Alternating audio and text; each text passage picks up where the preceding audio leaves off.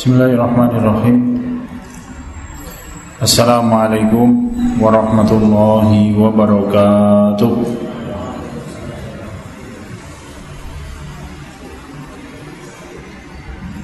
Alhamdulillah Innal hamdalillah nahmaduhu wa nasta'inuhu wa nastaghfiruh.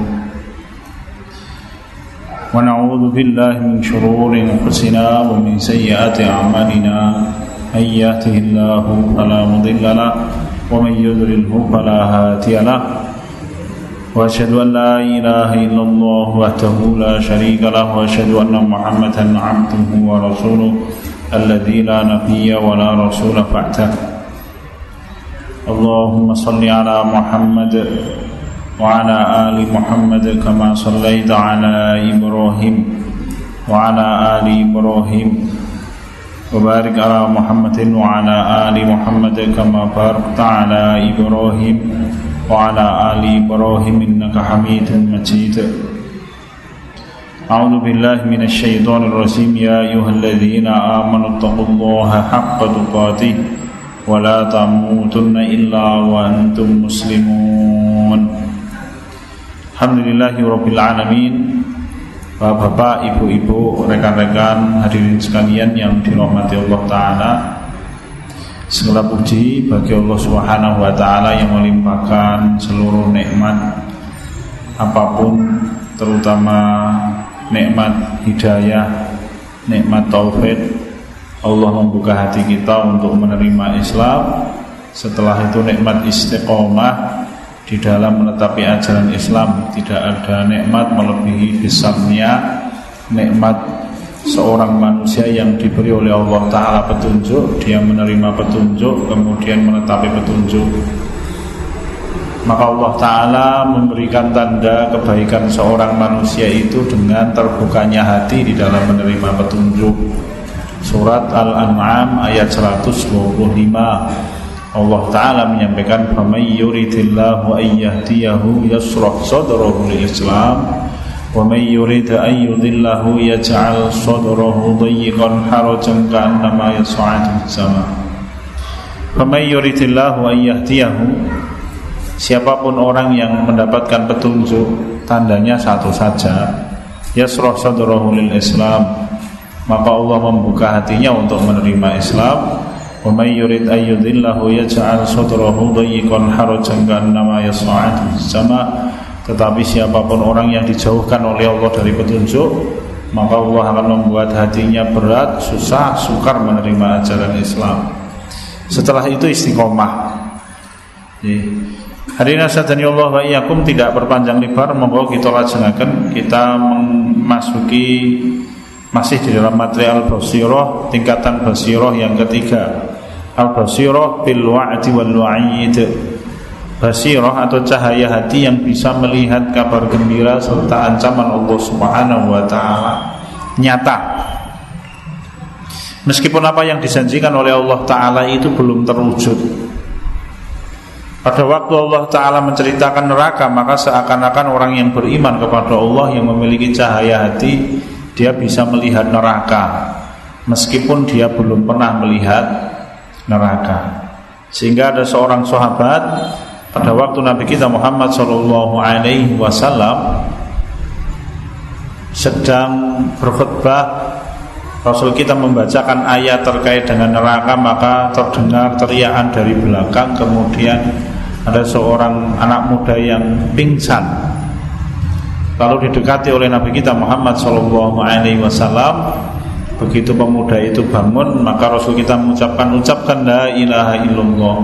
Kemudian pemuda itu mengucapkan la ilaha illallah. Lalu Rasul kita memberikan dia kabar gembira akan surga yang pasti dimasuki oleh pemuda itu.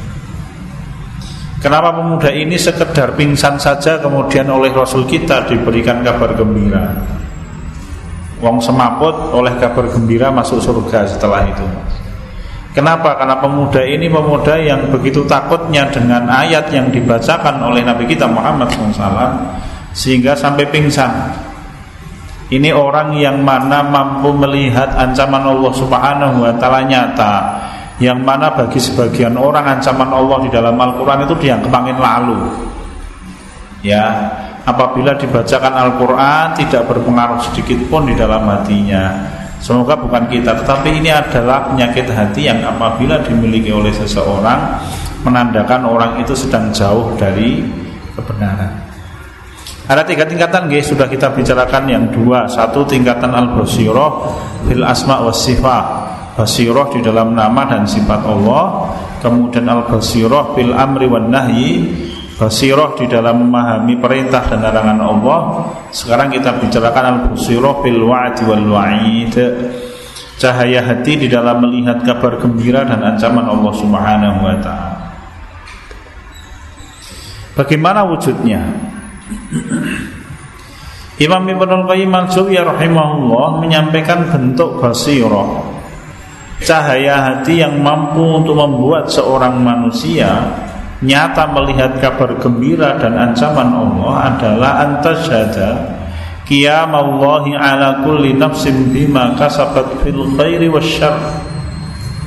Seorang manusia bersaksi menyatakan secara pasti bahwa Allah Ta'ala pasti menegakkan peradilan pada setiap nafs Setiap jiwa terhadap apa yang dia kerjakan baik atau buruk Nabi kita Muhammad Shallallahu Alaihi Wasallam pada waktu Allah Taala menurunkan firman-Nya, A'udzubillahi minasyaitonirrajim laisa bi amaniyikum wala amaniyi ahli kitab.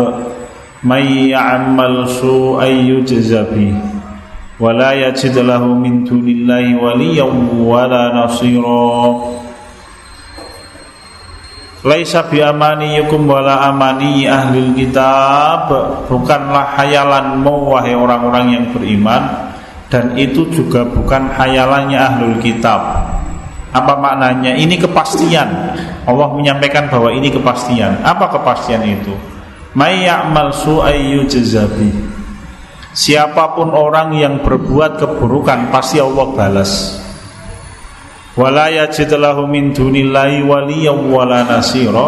dan ketika Allah telah memberikan balasan keburukan untuk orang-orang yang berbuat buruk maka orang itu tidak akan mendapatkan pendamping teman setia penolong dari Allah Subhanahu wa taala.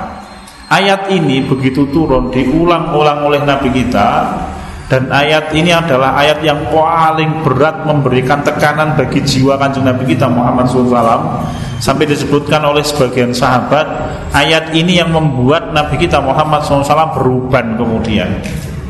Sehingga ketika Rasul kita Muhammad SAW wafat Rasul kita itu rambutnya ubanan sekitar 12 helai rambutnya dan sebagian sahabat menyampaikan uwanannya Nabi kita Muhammad Shallallahu Alaihi Wasallam itu disebabkan karena memikirkan ayat itu. Takutnya Rasul kita Muhammad Alaihi Wasallam kepada ancaman Allah Taala di dalam ayat itu amal su'ayyu jazabi siapa pun orang yang mengerjakan keburukan pasti Allah Taala balas dan ketika balasan itu datang dia tidak akan mendapatkan pembelaan dan pertolongan dari Allah Subhanahu wa taala. Besar urusannya bagi nabi kita Muhammad SAW sampai di dalam satu riwayat disebutkan Rasul kita pernah sholat satu malam qiyamul lail satu rakaat witir dengan membaca ayat ini berulang-ulang sepanjang malam sambil menangis Ya hadirin sekalian, bagi orang yang tidak memahami santai mawon diwaca ayat ngoten niku santai ora kodal lo hadirin sekalian. Semoga itu bukan kita hadirin. Ya. Ajilan au ajilan Orang itu bersaksi memahami percaya penuh Bahwa hukuman Allah kepada orang yang berbuat kebaikan dan keburukan itu bisa di, dipercepat oleh Allah tetapi bisa ditunda oleh Allah. Tetapi pasti akan datang. Kalau orang melaksanakan amal soleh amal solehnya ikhlas dikerjakan sesuai dengan petunjuknya kanjeng Nabi kita Muhammad SAW pasti dibalas dengan kebaikan. Ada yang disegerakan di dunia ini tetapi ada yang diakhirkan di akhirat. Demikian pula Allah Ta'ala tidak akan pernah membiarkan orang-orang yang berbuat dosa tanpa hukuman kecuali Allah mengampuninya. Kalau Allah tidak mengampuninya, pasti Allah hukum, bisa hukumannya di dunia, bisa hukumannya di akhirat. Bisa di dunia, bisa di akhirat. Kalaupun toh kemudian seorang manusia seakan-akan tidak dihukum di dunia karena maksiatnya, sedangkan Allah tidak mengampuni dosanya, maka pasti urusannya besar di akhirat. Sehingga malaikat Harut Marut dikisahkan oleh sahabat Abdullah bin Abbas radhiyallahu anhu malaikat yang diuji oleh Allah dengan cara diberikan syahwat menurut ceritanya sahabat Abdullah bin Abbas radhiyallahu anhu kemudian malaikat ini berbuat dosa di dunia ini pada waktu ditawarkan maka mereka memilih untuk dihukum di dunia. Nanti hukuman itu sebagian ulama menyampaikan dengan cara diikat menggunakan rantai Kepalanya ditaruh di bawah Kakinya ditaruh di atas sampai hari kiamat Setelah hari kiamat mereka dibebaskan oleh Allah Subhanahu wa Ta'ala dan malaikat memilih hukuman seperti itu. Kenapa? Karena mereka tahu kalau hukumannya di akhirat panjang urusannya, besar urusannya, tidak ada hukuman di akhirat yang kecil. Besar urusannya hadirin sekalian ya. Orang yang memiliki basiro paham itu maka ketika diberikan ancaman maka ketakutannya luar biasa. Jadi hadirin, ketika Allah taala menurunkan firman-Nya. Ya ayyuhalladzina amanu la tarfa'u aswatakum 'inda Rasulillah Wahai orang-orang yang beriman jangan kalian mengangkat suara kalian di hadapan Rasul Muhammad sallallahu alaihi wasallam. Kenapa antah batu amalakum wa antum la Bisa kalian mengangkat suara kalian di hadapan Rasul itu membuat amal soleh kalian dihapus oleh Allah dan kalian tidak mengetahui. Hadirin asadani Allah ya aku ada seorang sahabat kalau tidak salah Usaid bin Hudair kalau tidak salah nanti bisa dibuka di dalam kitab tafsir Ibnu Katsir atau tafsir Al-Qurtubi. Beliau ini memang orang yang suaranya keras, Bukan karena orangnya suka bengok-bengok Memang suaranya keras. Begitu ayat itu turun Maka seharian ramatus wong umah mas. Nangis sampai istrinya khawatir kalau Usaid bin Huldar ini mati gara-gara menangis sepanjang hari Ketika ditanya kenapa lah celaka saya Ayat itu berkenaan dengan saya wong. Suaraku seru Ya. Maka kemudian Rasul kita Muhammad Shallallahu Alaihi Wasallam diberitahu, kemudian didatangi dan Rasul mengatakan, oh bukan, bukan engkau wahai Usaid, ya, tetapi orang lain. Kemudian di dalam riwayat yang lain Rasul kita menyampaikan maka kemudian Rasul kita memberikan kabar gembira akan mati syahid orang itu. Dan kemudian dia mati syahid. Hadirin, ini loh orang yang memahami orang yang basiro memiliki cahaya hati di dalam memahami kabar gembira dan ancamannya Allah Subhanahu wa taala. Umar bin Abdul Aziz salah satu jenis dinten ketemu bukan ketemu ditemui oleh pembantunya. Pembantunya itu bercerita wahai tuan tadi malam saya bermimpi saya melihat seluruh manusia dikumpulkan oleh Allah Subhanahu wa taala di mahsyar. Kemudian di dalam mimpi saya ini saya melihat satu persatu manusia digiring oleh Allah taala untuk melewati jembatan neraka jahanam. Ada di antara mereka yang selamat tetapi ada di antara mereka yang jatuh ke dalam neraka jahanam. Kemudian saya melihat panjenengan wahai Tuhan digiring oleh Allah di atas jembatan neraka jahanam. Begitu pembantunya mengatakan kata-kata itu, langsung semaput Umar bin Abdul Aziz. Makanya cerita pembantunya orang rampung. Pembantunya itu menceritakan kemudian saya melihat panjenengan selamat wahai Tuhan. Tetapi Umar wis ora kata-kata panjenengan selamat itu ora krungu, terus semaput sik wis jadi orang yang bisa memahami perkara seperti ini akan terjaga Bapak. Sebagaimana terjaganya Nabi Yusuf alaihissalam pada waktu diajak berzina oleh istrinya Al-Aziz. Ya. Tiba-tiba belum melihat wajah sang ayah di dinding ini. Ya, kemudian beliau tidak jadi berbuat dosa. Satu nikmat yang sangat besar hadirin. Apa makna qiyamullah ala kulli nafsin bima kasabat? Jadi hadirin sekalian Allah Ta'ala menetapkan bahwa besok di hari kiamat semua manusia akan dihisap amalnya oleh Allah Subhanahu wa taala. Siapa pun itu. Tidak ada yang luput. Walaqad ji'tumuna furada kama khalaqnakum awwala marrah dan kita nanti akan ditanya oleh Allah Subhanahu wa taala satu persatu. Dan kalian pasti mendatangiku satu persatu kata Allah. Kama khalaqnakum awwala marrah sebagaimana dulu aku ciptakan kalian pertama kali kalian lahir sendirian. Jadi waktu itu orang dihisap sendirian, oh, bapak, ibu-ibu. Meskipun di sekitarnya ada banyak manusia yang melihat dia dihisap, tetapi dia tidak melihat siapa pun kecuali dirinya. Imam Ibnu Qayyim al-Jauziyah rahimahullah menyampaikan qiyamullahi ala kulli nafsin bima kasabat. Allah menegakkan peradilan bagi setiap manusia atas apa yang mereka kerjakan itu merupakan konsekuensi tuntutan dari kekuasaan Allah Subhanahu wa taala dan hak Allah untuk diibadahi dan ditaati. Ya. Imam Ibnu Qayyim al-Jauziyah rahimahullah menyampaikan jadi karena Allah Ta'ala itu penguasa alam semesta Dia menetapkan siapa pun orang yang berbuat kebaikan diberikan ganjaran Siapa pun orang yang berbuat kesalahan diberikan hukuman. Kalau Allah bukan penguasa alam semesta Allah tidak akan menegakkan itu Maha suci Allah Tetapi Allah penguasa alam semesta. Demikian pula itu merupakan kewajiban dari uluhiyahnya Allah. Kenapa? Karena Allah itu punya hak untuk ditaati secara mutlak jadi kalau ada orang mengucapkan asyhadu alla ilaha illallah, saya bersaksi bahwa tidak ada ilah yang di, berhak diibadahi kecuali Allah, maka telah dia telah bersumpah untuk taat mutlak hanya kepada Allah Subhanahu wa taala. Tidak kepada siapa pun.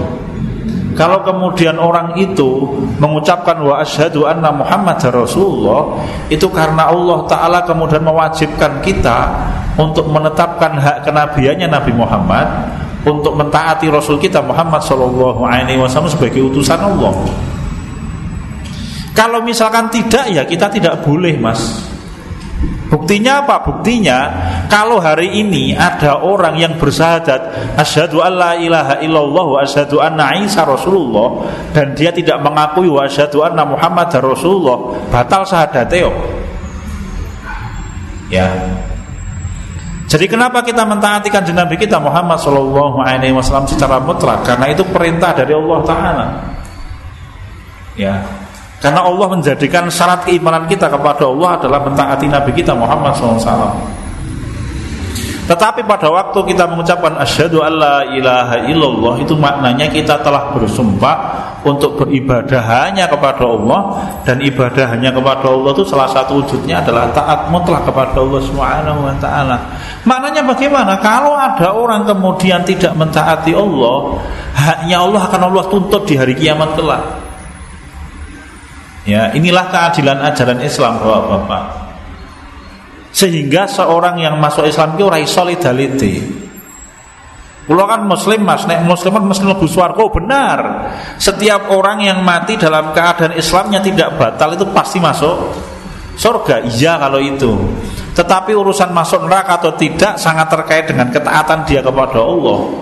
Orang dumeh melebu Islam kemudian mesti melebu suarco ora mlebu neraka. Ini justru keadilan Islam yang membedakan dengan agama yang lain. Kalau agama yang lain itu kalau sudah memeluk agama itu apa pun yang dia kerjakan di dunia semua dosanya diampuni. Allah Ta'ala menjamin orang yang beriman kepada Allah Seorang muslim dia mati pasti masuk surga Tetapi masalah kemudian dia nanti selamat dari api neraka atau tidak ah, Itu tergantung dengan ketaatan manusia kepada Allah Sehingga tuntutannya Allah pun menopo Kalau ada seorang manusia masuk Islam Maka ya bersungguh-sungguh di dalam melaksanakan ajaran Islam. Bagaimana dengan orang yang ragu terhadap balasan Allah atas semua amal manusia? Imam Ibnu Qayyim al-Jauziyah rahimahullah menyampaikan kalau ada seseorang yang ragu bahwa Allah akan membalas amal manusia di dunia ini baik atau buruk hakikatnya dia ragu terhadap kekuasaan Allah dan hak Allah untuk diibadahi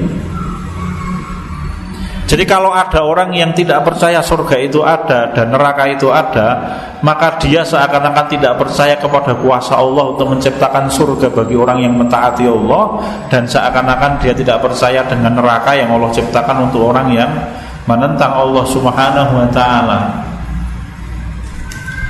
Semoga kita bukan termasuk golongan itu. Kenapa hadirin? Karena kalau orang tidak percaya dengan surga dan neraka, sama dengan dia tidak percaya dengan hari kiamat. Karena proses hari kiamat itu ujungnya adalah surga neraka. Kalau gelem ora gelem tetap ngoten iku. Orang yang paling tidak percaya dengan neraka, dia pasti melihat neraka. J. Karena Allah telah menyampaikan itu, ya qul ya mentanifat at-takatsur Alhaakum takatsur hatta zurtumul maqabir kalla sawfa ta'lamuna thumma kalla sawfa ta'lamun. Kalla law ta'lamuna ilmal yaqin la tarawunnal jahim. Jangan engkau berlebih-lebihan dan menumpuk-numpuk harta wahai manusia. Bagaimana pendapatmu kalau kalian semuanya melihat neraka? Ya. La tarawunnal jahim. Thumma la tarawunnaha ainal yaqin Kemudian pasti kalian akan melihat dengan mata kepala kalian Sehingga itu menimbulkan yakin bagi kalian bahwa kalian sedang melihat neraka. Aluna na'im. Kemudian setelah itu engkau akan ditanya oleh Allah akan semua nikmat yang Allah berikan kepadamu Apakah engkau manfaatkan dengan baik atau tidak. Wonten ing Maryam Allah taala menyampaikan a'udzubillahi minasyaitonirrajim Fawarabbika lanahsurannahum wasyayatin thumma lanuhdirannahum haula jahannam jisiyya Allah menyampaikan Fawarabbika maka demi Tuhanmu wahai Muhammad Allah bersumpah atas nama dirinya. Lanahsurannahum wasyayatin. Akan kami kumpulkan seluruh manusia dan setan-setan itu jin Kemudian pasti akan kami hadirkan mereka haula jahannam jisiyya di sekitar neraka jahanam dalam keadaan berlutut kata Allah Subhanahu wa taala.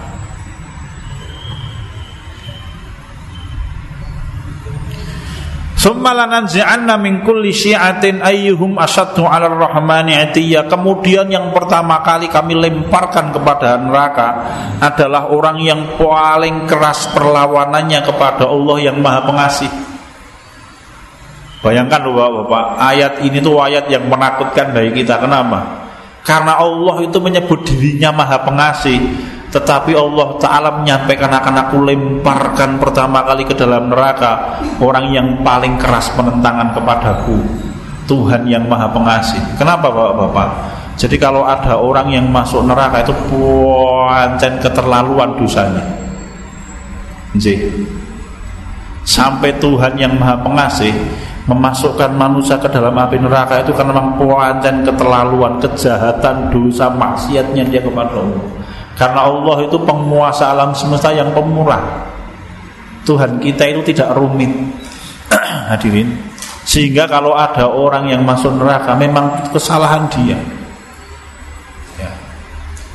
Dilanjutkan oleh Allah. A'lamu Kemudian aku Allah sangat mengetahui siapa saja orang yang paling berhak untuk masuk neraka ini. Dilanjutkan oleh Allah wa imminkum illa wariduha kana ala rabbika hatman dan kalian semuanya wahai manusia pasti akan mendatangi neraka itu. Karena ala rabbika hatman sungguh itu ketetapan yang telah Allah tetapkan. Tidak mungkin dihapus oleh Allah. Kita semuanya saya anda kita semuanya anak kita tetangga kita simbah-simbah kita akan digiring oleh Allah menuju neraka. Siapa yang diselamatkan? Kemudian aku selamatkan orang-orang yang bertakwa. Dan akan aku tinggalkan di dalam neraka orang-orang yang zalim itu dengan berjongkok mereka Panjenengan silakan buka wonten ing surat Maryam ayat ke-68 sampai ayat ke-72. Cukup ayat ini kalau bagi seorang muslim untuk membuat menangis berhari-hari cukup sebenarnya Bapak. Kita lajengaken.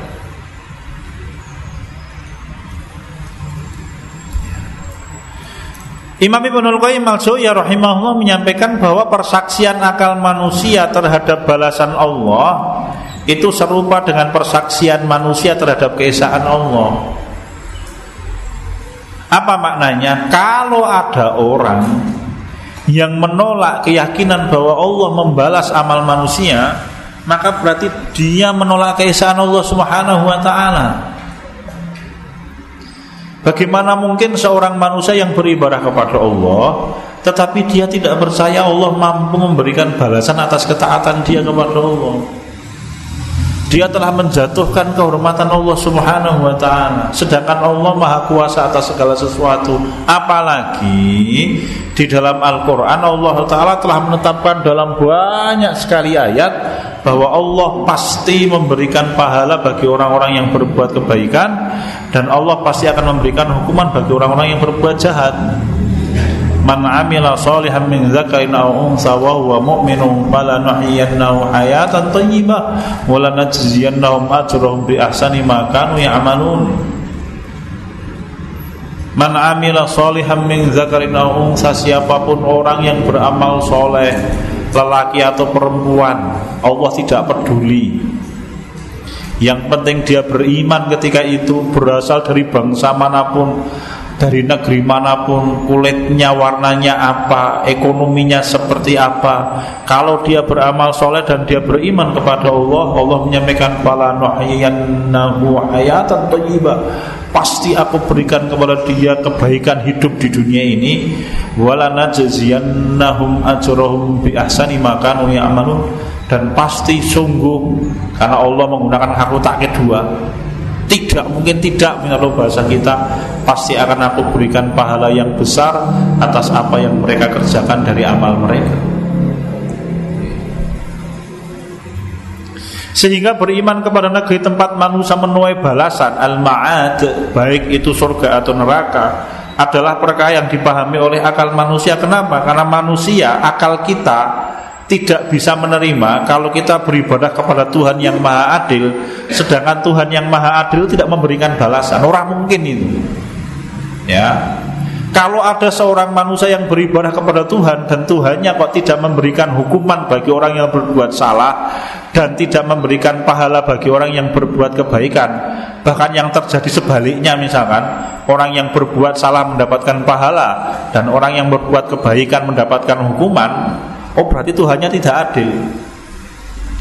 Sedangkan Allah itu tidak mungkin tidak adil. Allah itu maha adil. Akalnya orang-orang yang beriman tidak bisa menerima itu. Okay. Mengatakan bapak-bapak hadirin sekalian yang sakit kula aturaken monggo wekdal sisa ini silahkan dipakai untuk proses kalau ada yang tadi mau mengislamkan saya tutup dulu, saya keserahkan ke pembawa acara. Monggo Mas, niki silahkan dipandu ini. Sekian dan demikian Bapak-bapak dan Ibu-ibu sekalian. Insya Allah kita laksanakan kajian kita Di dalam pertemuan yang akan datang. Masih kita membahas bab tentang Basiroh Fil wa'di wal wa'id. Insya Allah kita laksanakan Dalam pertemuan-pertemuan yang akan datang. Sekian dan demikian saya tutup. Saya kembalikan ke pembawa acara. Assalamualaikum warahmatullahi wabarakatuh